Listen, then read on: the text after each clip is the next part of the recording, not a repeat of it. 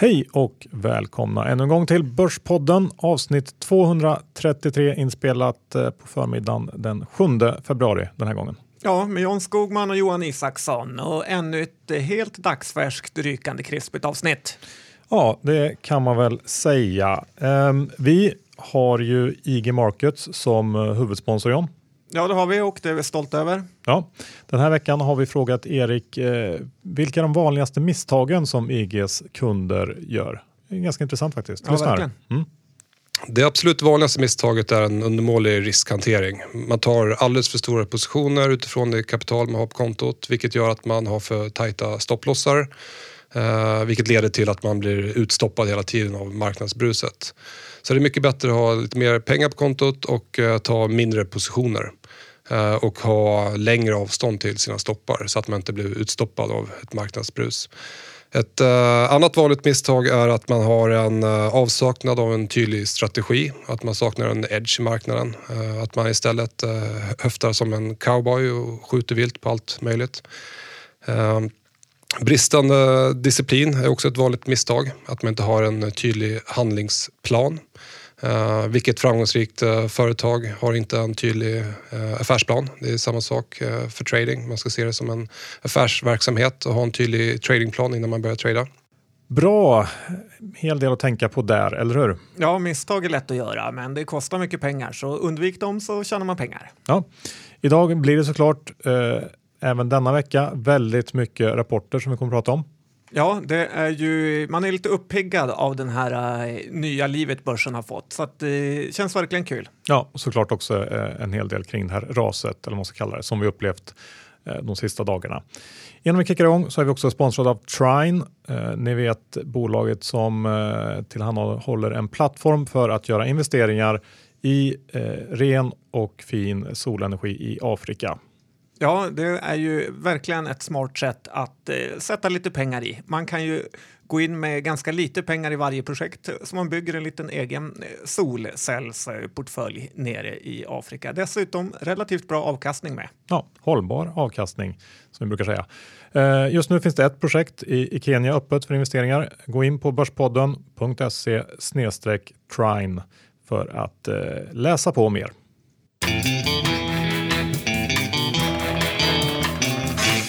Johan Dr. Bass Isaksson, vi har index på 1522 nu och eh, det är ju rätt rejält fall sedan eh, förra veckan vi pratades vid. Ja, vi har ju eh, på slutet varit inne på att den här sista uppgången, kanske då främst i USA, har varit parabolisk och att den typen av uppgångar inte kan hålla hur länge som helst. Och lägg då till stigande räntor och en, en konjunktur som ser ut att kanske ha toppat plus historiskt höga värderingar så ehm, ja, finns det ju gott om, om eh, förslag på orsaker till varför vi fick det här raset i veckan.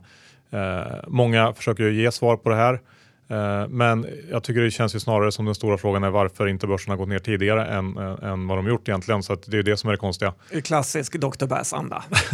Men nu är väl egentligen frågan om det här bara är en hälsosam korrektion eller början på något större än så. Eh, och det är ju såklart omöjligt att veta. Eh, själv så tror jag att det kommer säkert en, en hyfsad studs härifrån. Vi har ju varit, eller vi är ju ner ganska mycket från den här toppen i januari och på ganska kort tid. Men eh, kanske inte helt oväntat så är jag ändå inne på att det här inte riktigt blir som de eh, rekyler vi haft de senaste åren, om vi nu haft några eh, värda att nämna namnet. Nej, det känns faktiskt lite, lite sådär svagt. Ja, eh, vi fick ju vi fick ju ett, ett stort utbrott i eh, volatilitet um, och eh, som, som, ett resultat av, eh, av den här kraschen, eller vice versa. Det är svårt att säga vad som gav vad. Det kanske, de kanske gav, eh, varandra där. Eh, men vi såg ju direkt hur de här eh, VIX, eh, korta VIX-ETFerna smällde och tappade allt sitt värde på eh, ungefär en dag. Eh, den här traden har ju varit eh, väldigt populär under väldigt många år eftersom vi haft en, en en börs utan volatilitet helt enkelt eh, i princip. Och eh, det här är väl eh, någon slags eh, essensen av plocka mynt på rälsen framför tåget eh, traden. Eh, den allra renaste formen. För under sex års tid så gick eh, eh XIV, som den mest populära ETFen heter, Från 11 dollar till 144 dollar. Eh, fantastisk utveckling. Eh, för att sen då tappa 100% på en dag. Eh, vansinne kan man ju tycka att det ens finns sådana här produkter, men så är det. Nej, man blir nog rätt chockad när man vaknar upp eh, på morgonen och ser att alla ens pengar är borta. Eh, men det här med vållan är ju ändå rätt rolig för man klagar på hur låg den är och även du Johan har ju tagit upp eh, hur många dagar eller år det var sen sist börsen gick ner eller si eller så mycket och i procent då. och sen händer det och då tror hela världen att det är kört på en gång. Alla sparekonomer kallas in till tidningarna för att göra sina värdelösa tips. De vet ingenting och egentligen så vet ju vi inte heller någonting heller, för ingen vet något och det måste man komma ihåg så man inte lyssnar på dem. Eh, det enda man kan göra är att egentligen alltid ha en krigskassa och aldrig vara all in. Då kommer man klara sig. Det kan nästan vara bra med sådana här äh, nedgångar då. Så är det ju absolut. Eh, jag tänkte bara fortsätta lite på det här volla-spåret, för det finns eh, fler typer av strategier som påverkas av att, att eh, vollan helt plötsligt skjuter upp i höjden. Eh, det finns till exempel enormt mycket kapital i fonder med så kallade risk parity-strategier. De här måste också dra ner på exponeringen ganska rejält när vållan stiger som den gjort nu och eh, rörelserna från de här fonderna kan mycket väl komma med lite lagg beroende lite på vilken mätperiod man använder och så vidare.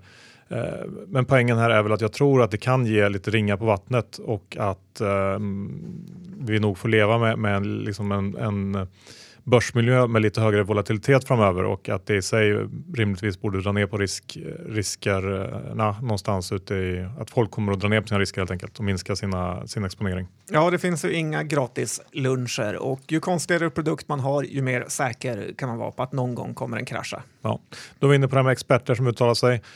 Eh, såklart har eh, några av de största investerarna i USA varit ute och snackat om det som hänt.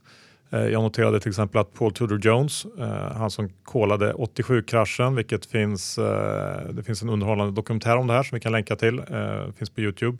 Men i alla fall, ehm, han var ute och varnade för att det kommer bli väldigt mycket värre. Han tror att inflationen är på väg tillbaks rejält och bygger väl sitt case på, på det helt enkelt. Så att, sen såg jag även att Carl Icahn, den gamla gubben, var ute och också målade upp någon slags domedagsscenario.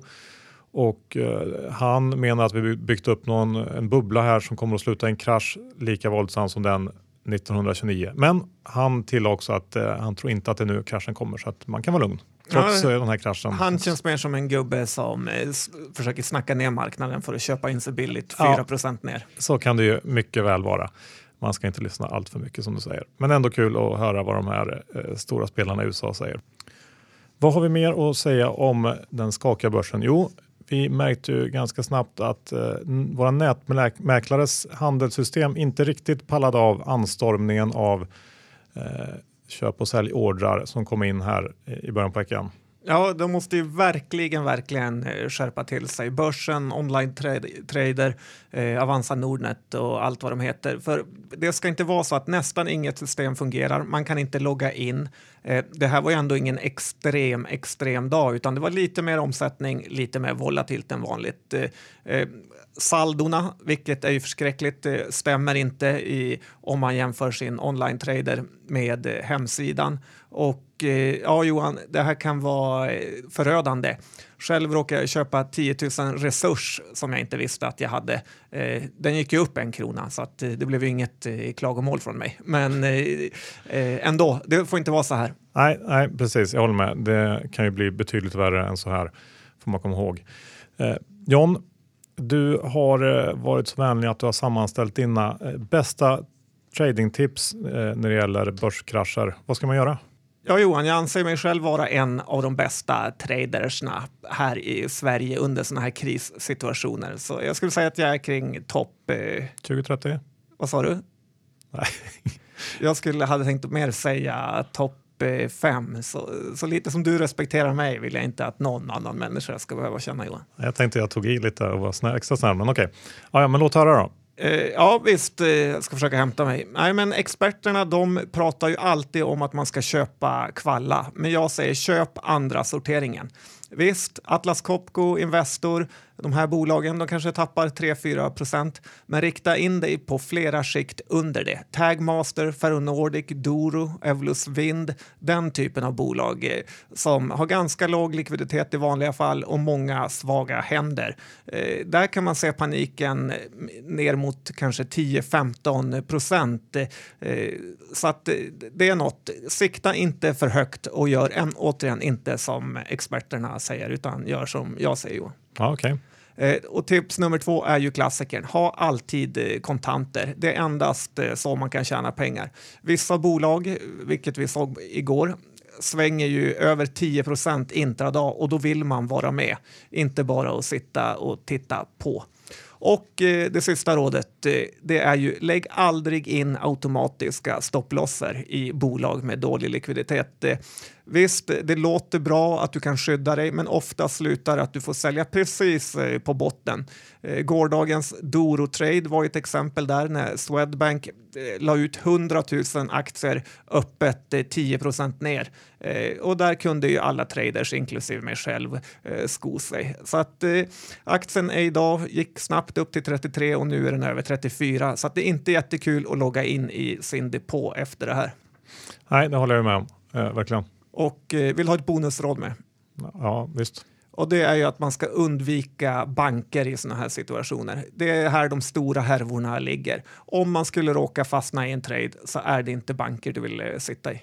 Nej, det kan nog vara bra tips. Ska vi avsluta första delen med eh, Victor Müller Ja, han blev ju frikänd för andra gången igår och i typisk osvensk mentalitet vågar han säga det alla tänker. Total förödmjukelse för åklagaren, sa han. Och eh, det är ju sant faktiskt. Svenska åklagare börjar mer och mer likna svenska fotbollsdomare som älskar att stå på scen men saknar totalt eh, bedömningsförmåga. Eh, I det här fotbolls-VM som vi har nu har vi inga svenska domare för att de är för dåliga och eh, tur är väl det för man får ju alltid vara nervös när de dömer matcher. Det visar ut fel spelare, det är dåliga, de är dåliga på offside-regeln för att de vanligtvis eh, dömer Häcken-Örebro där tempot är väl noll eller under noll. Men de älskar att synas. Det är lite den här typen Anders Frisk som färgar håret gult tar 40 meters löpningar framför kameran. Och precis så känner jag svenska åklagare. De älskar att vara i tidningen, pratar om yviga fester och sen misslyckas de totalt. Eh, men den, det misslyckandet de gör kompletterar de med en sån här rigg i lagen där de kan sätta dit alla småsparare för mikroskopiska fel och därmed få upp eh, sin stat. EBM borde jobba 90 procent med id-kapningar, kontokortsbedrägerier med mera. Där hade de gjort skillnad. Inte se vad Crow heter, Testa för orderdjup i kolen.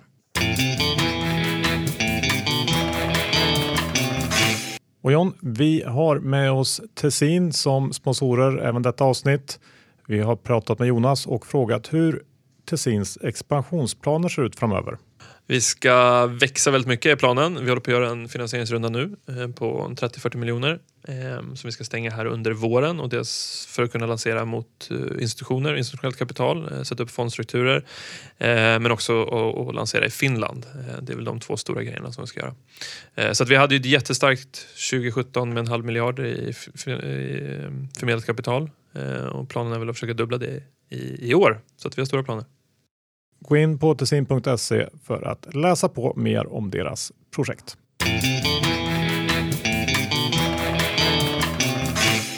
Okej, okay, då ska vi gå igenom ett antal rapporter nu.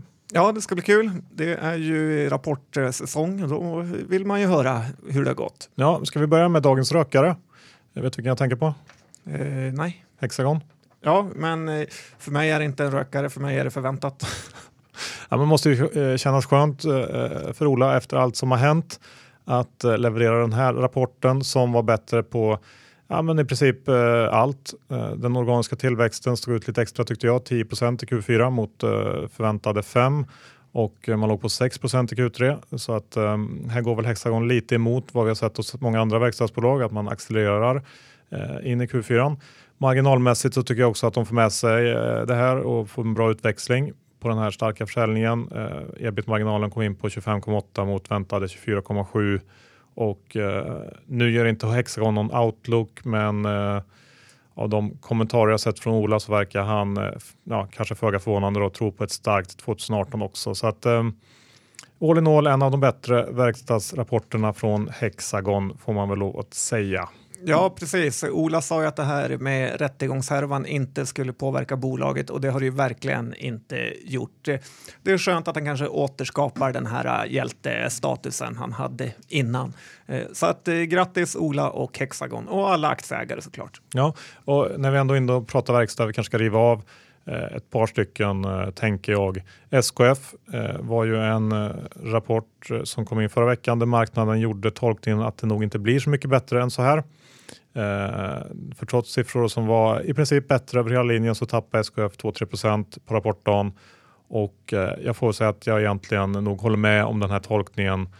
Eh, SKF har levererat ganska stark eller riktigt stark organisk tillväxt nu fyra kvartal i rad och eh, framöver så kommer det bli tuffare med jämförelsetal och även så kommer ju de här eh, höga råvarupriserna eh, bli lite jobbiga även om FSKF kanske kan kompensera det här med prishöjningar och, och eh, höga volymer.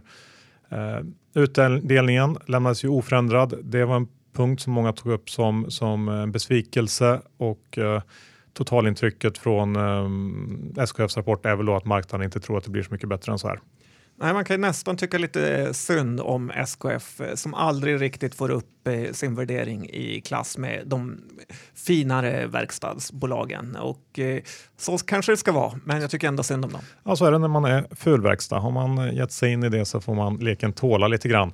Eh, Trelleborg, eh, om vi ska ta det, det sista av verkstadsbolagen jag tänkte prata om idag, så, så kom de också in med en av de bättre rapporterna i sektorn tycker jag. Eh, även här riktigt stark organisk tillväxt, bättre resultat än väntat. Eh, även om man kan se samma tendenser som i många andra verkstadsbolag eh, som går för högtryck, det vill säga att de har väldigt svårt att förbättra lönsamheten särskilt mycket trots bättre topline än väntat. Och här stack ju också Hexagon ut om vi ska gå tillbaka dit. Värderingsmässigt så hör ju inte Trelleborg till värstingarna i klassen här så att om man nödvändigtvis måste äga verkstad så tycker jag ändå att Trelleborg känns lite mer intressant än mycket annat i den här sektorn. Ja, intressant. Eh, John, eh, ska vi ta något lite mindre bolag som du kikat på? Profilgruppen har ju varit ett bolag som gått eh, väldigt bra under en period. Ja, de hade sin rapport igår och det här bolaget gjorde ju också en fin eh, rapport och verkligen gjort en uppryckning de senaste åren. Men att sälja aluminiumprofiler är ju inte top tier direkt om du pratar om full och fin verkstad Johan. Eh, bolag har ju, det här bolaget har också en ganska svag ägarlista kan jag tycka med väldigt många okända privatpersoner i toppen.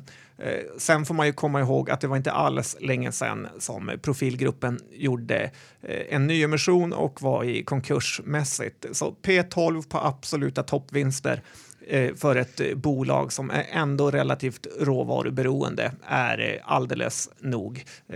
Smarta börsen och inte handla upp den. Ja, jag håller helt med dig där. Itab har ju varit ett bolag som vi har gått åt hårt, eller gått hårt, hårt åt kanske man säger, under många år och det har ju egentligen visat sig vara rätt med facit i hand. Tittar man på den här aktien och drar ut chartet några år så ser det inte kul ut. Nej, det, ingen kan komma och säga att jag inte varnat för ITAB. Om jag hade varit mormon så hade jag nog egentligen åkt runt och missionerat eh, sälj ITAB faktiskt. Och bolaget kom in med en riktigt dålig rapport igår. Eh, ITAB har ju som mål att de ska effektivisera handeln och för mig känns det lite som att man vill effektivisera en skrivmaskin. Eh, det är helt fel område man är inne på. Handeln kommer och eh, har varit i uppförsbacke eh, under lång tid och det finns ju ingen riktig ljusning där. Att då försöka sälja in eh, dyr utrustning till bolag som är satta under press kommer inte att fungera. Dessutom är bolaget väldigt, väldigt eh, skuldsatt nu efter att ha varit ute på en förvärvsräd. Dess, de ha, dessutom hade de ju minskad eh, eh försäljning i det här kvartalet så att eh, nej, det här är jobbiga pengar att springa efter. Jag ser mer nedsida i ITAB. Eh, vi går vidare till eh, lite byggrelaterat. Serneke har rapporterat Ja, det var ju en riktig kalasrapport faktiskt och eh, aktien belönades idag med att gå upp 10 procent. Eh, Göteborgsbolaget som det är känns ju annars som att de sitter i en megahärva Eh, projektbygg och anläggningsarbeten. Det är inte direkt eh, där man känner att sweet eh, spotten är just nu. Eh, bolaget Serneke alltså skulle kunna bli en härva, men ibland lyckas ju väldigt duktiga entreprenörer att reda ut eh, sånt här. Men om man ska förlora alla sina pengar i den kommande kraschen så ska man inte göra det Serneke bara. Nej, jag vet inte. Man har ju någon slags eh, dålig ryggradskänsla när det gäller Serneke utan att kanske ha gjort särskilt mycket research för att backa upp det. Men, men eh, jag håller mig också undan. Jag är inte så sugen på det här. JM, om vi ska ta en, en konkurrent eller vad man ska säga. Hur det ser ut där? Ja, bolaget eh, som återköpte aktier på toppnivå. Eh, men nu vill de inte göra det när aktien har kraschat. För de tycker att det är bättre att vänta med återköp. Och det är precis därför man inte ska låta företag göra återköp. För att de, har, de är för dåliga på timing. Älskar att köpa dyrt och sen vara för fega när, det egentligen, eh, när man borde köpa. Eh, och då är det egentligen meningslöst att hålla på med återköp överhuvudtaget. Eh, Eh, man vill inte att de ska slösa bort de här surt förvärvade pengarna. Det är P6 nu på 2017 års vinst och eh, det är väl i princip helt garanterat att eh, kommande årsvinst kommer bli lägre för annars hade ju JM varit ett fynd. Frågan är bara hur låg den kommer bli. Sen kommer det byggas mindre eh, framöver, många år framöver. Så att eh, man kan väl tänka att 2017 års vinst eh, kan vara kanske nästan 5-10 års högsta. Eh, bolaget är dock eh, skuldfritt och eh, har nästan en miljard i kassan. Så att eh, det finns ju möjligheter. Men det är också helt fel bolag att vara exponerad mot under en nedgång. Ja, man vill nog gärna se att hela det här spelar ut först, känns det som. Eh, vi byter helt arena. Eh, Nokia tänker jag prata lite om. De eh, rapporterade förra veckan och belönades med rapportperioden så här långt största uppgång, tror jag i alla fall. I alla fall bland de större bolagen och jag vet att den var väldigt stor för jag satt på andra sidan av den här uppgången om man säger så. Över 15% upp som värst. För att även om guidningen, guidningen i den här rapporten för 2018 var betydligt sämre än marknadens prognoser så lyckades ledningen gjuta liv i tron på Eh, betydligt bättre tider därefter med en saftig eh, 2020-prognos, oväntat bra outlook för den här licensaffären samt någon slags allmän positivism kring 5G. Själv så trodde jag inte att marknaden skulle orka titta förbi ett eh, 2018 som då blir betydligt sämre än väntat. Men eh, här kanske jag borde ha gjort hemläxan lite bättre. Ehm, jag har inte ägnat så mycket tid alls åt Nokia sista tiden och förväntningarna var nog Eh, eller uppenbarligen så var de det, lägre än, än eh, vad jag först trodde. Och dessutom så handlas ju Nokia med en väldigt stor rabatt mot Ericsson, vilket alla eh, analytiker är noga med att påpeka i sina köprekar. Ehm, men hur som helst så har alla Nokia-ägare ett jättetråkigt år att se fram emot. Ja, att marknaden fortfarande går på 2020 vision känns ju obegripligt. Hur stor är skillnaden mellan Ericsson och Nokia skulle du säga? Ja, vad kan det vara? 30-40 procent kanske. Beror lite på hur man räknar och vilken prognos och vad man tror. Något för Kricke att gå in i där också kanske? Ja, han skulle kunna göra det kanske.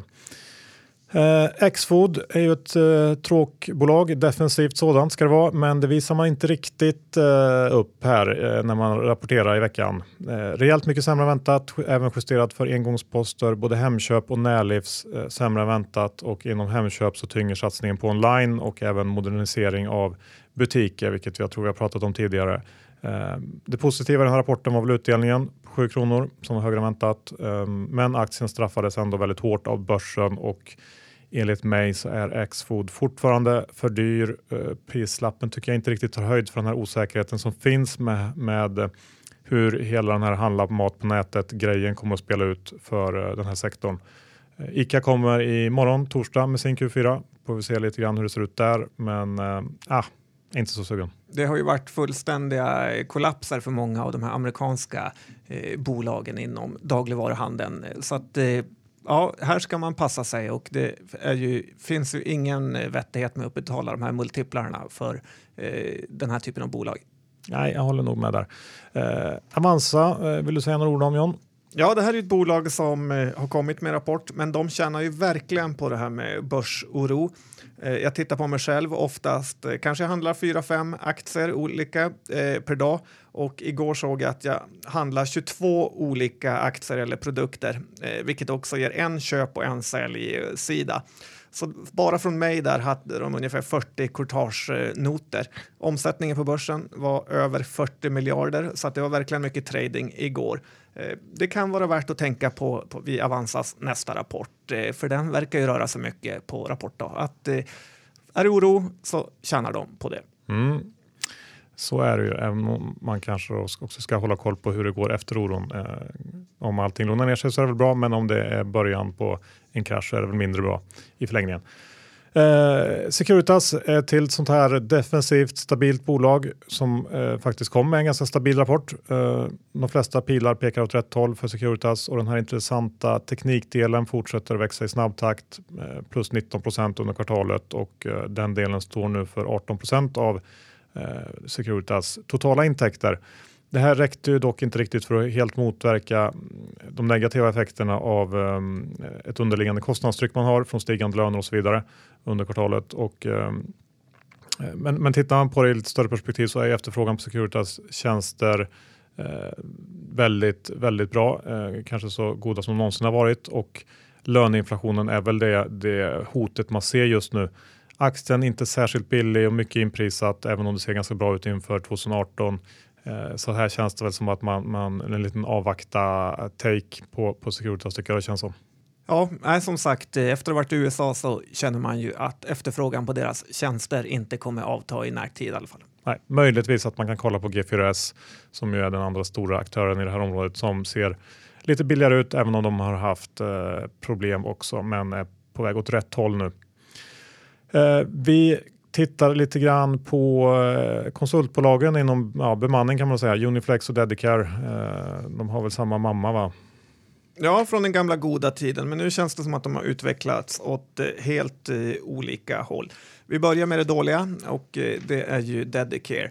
Den här vdn visste vad han gjorde när han sa upp sig, ringde dig och sa att allt hade, det aldrig hade gått bättre än nu och sen dumpar han ut alla aktier i flödet. Grattis till dig och bra spelat. Eh, nu känns det ju som att eh, Dedicare är ett ganska dåligt bolag där man verkligen inte är sugen att hoppa in i. Marginalerna är som bortblåsta och eh, verksamheten börjar kännas alldeles för eh, svåranalyserad. Det är ju så att eh, oftast ligger all vinst tidigt i de här avtalen. Eh, och sen efter några år så har lönerna hunnit ikapp och förbi och då blir vinsten jättedålig. Eh, och det är det vi ser nu verkar det som. Halva vinsten är borta, sänkt utdelning och ny vd som kanske plockar fram något skelett, eh, ytterligare skelett i garderoben. Så att det här blir nej tack för mig Johan. Ja, eh, Uniflex då?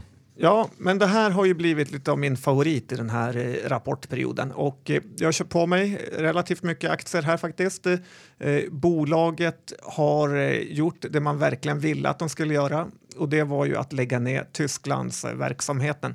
Den har ju varit riktigt misslyckad och nu tog man stoppen där och på ett bra sätt lyckades sälja den för någon miljon. Och nu återstår det egentligen bara fina delar i Uniflex och det är till en ganska låg värdering. Eh, bolaget bör enligt Introduce tjäna just under 2 kronor nästa år och i år delar de ut eh, 1,65 eh, vilket är över 7% i direktavkastning. Drar du bort det så får du ju då för 2018 ett p-tal på strax över 10 och eh, det här är ett bolag som kan dela ut allt de tjänar. Eh, jag tycker det känns ganska billigt och jag tror ju också att ju närmare utdelningen vi kommer så kommer många sådana här eh, listor med de här bolagen har högst eh, direktavkastning att vevas fram. Och då kommer jag att liksom försöka föregå det här genom att redan ha köpt nu.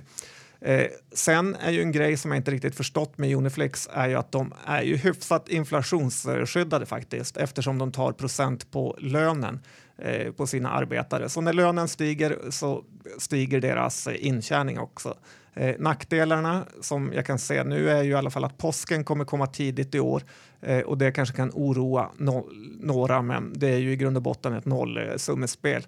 Eh, sen om konjunkturen skulle krascha är ju det inte heller bra, men just nu är det ju faktiskt så att konjunkturen är för het eh, så att det är svårt att hitta folk eh, snarare än att man har för många.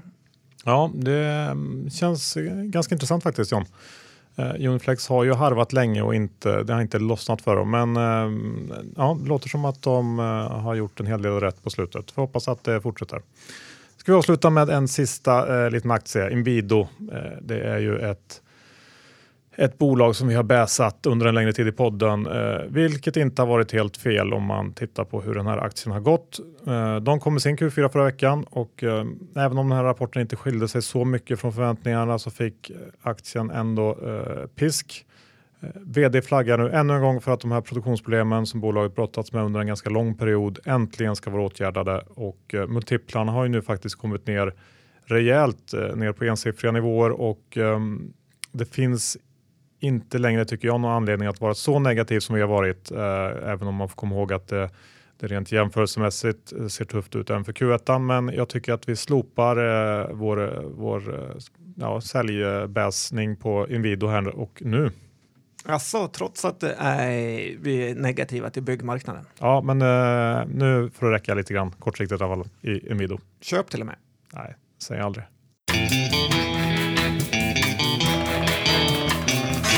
Slut på avsnitt 233. Vi tackar vår huvudsponsor IG Markets. Gå in, eh, ladda ner appen och kika runt. Ja, följ Erik Hansén med på Higher Lows på Instagram. Det är väldigt bra. Ja, och om ni är intresserade av hållbara investeringar i solenergi i Afrika, då är det bara att gå in på börspodden.se trine eller trine om man pratar eng- svengelska. Ja, där kan man investera så lågt som 100 euro tror jag att det är. Så att, eh, du behöver inte ha en stor portfölj för att vara med och bidra. Nej, och eh, Tessin, där händer det mycket.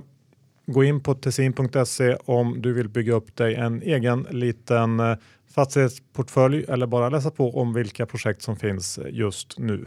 Ja, de sållar ju fram de bästa projekten så att, eh, där finns det alltid några guldkorn. Ja. Hur ser det ut eh, bland dina egna innehav av de bolag vi har pratat om idag? Du tog upp eh, Uniflex som ett bolag som du köpte i. Har du någonting mer? Nej, faktiskt är det det enda jag har i, som vi har pratat om idag. Bra, och jag har inget av de bolagen vi har pratat om idag. För att du hatar aktier. Ja. Eh, bra, då tackar vi för att ni har lyssnat på oss. Eh, så hörs vi om en vecka igen. Hej då!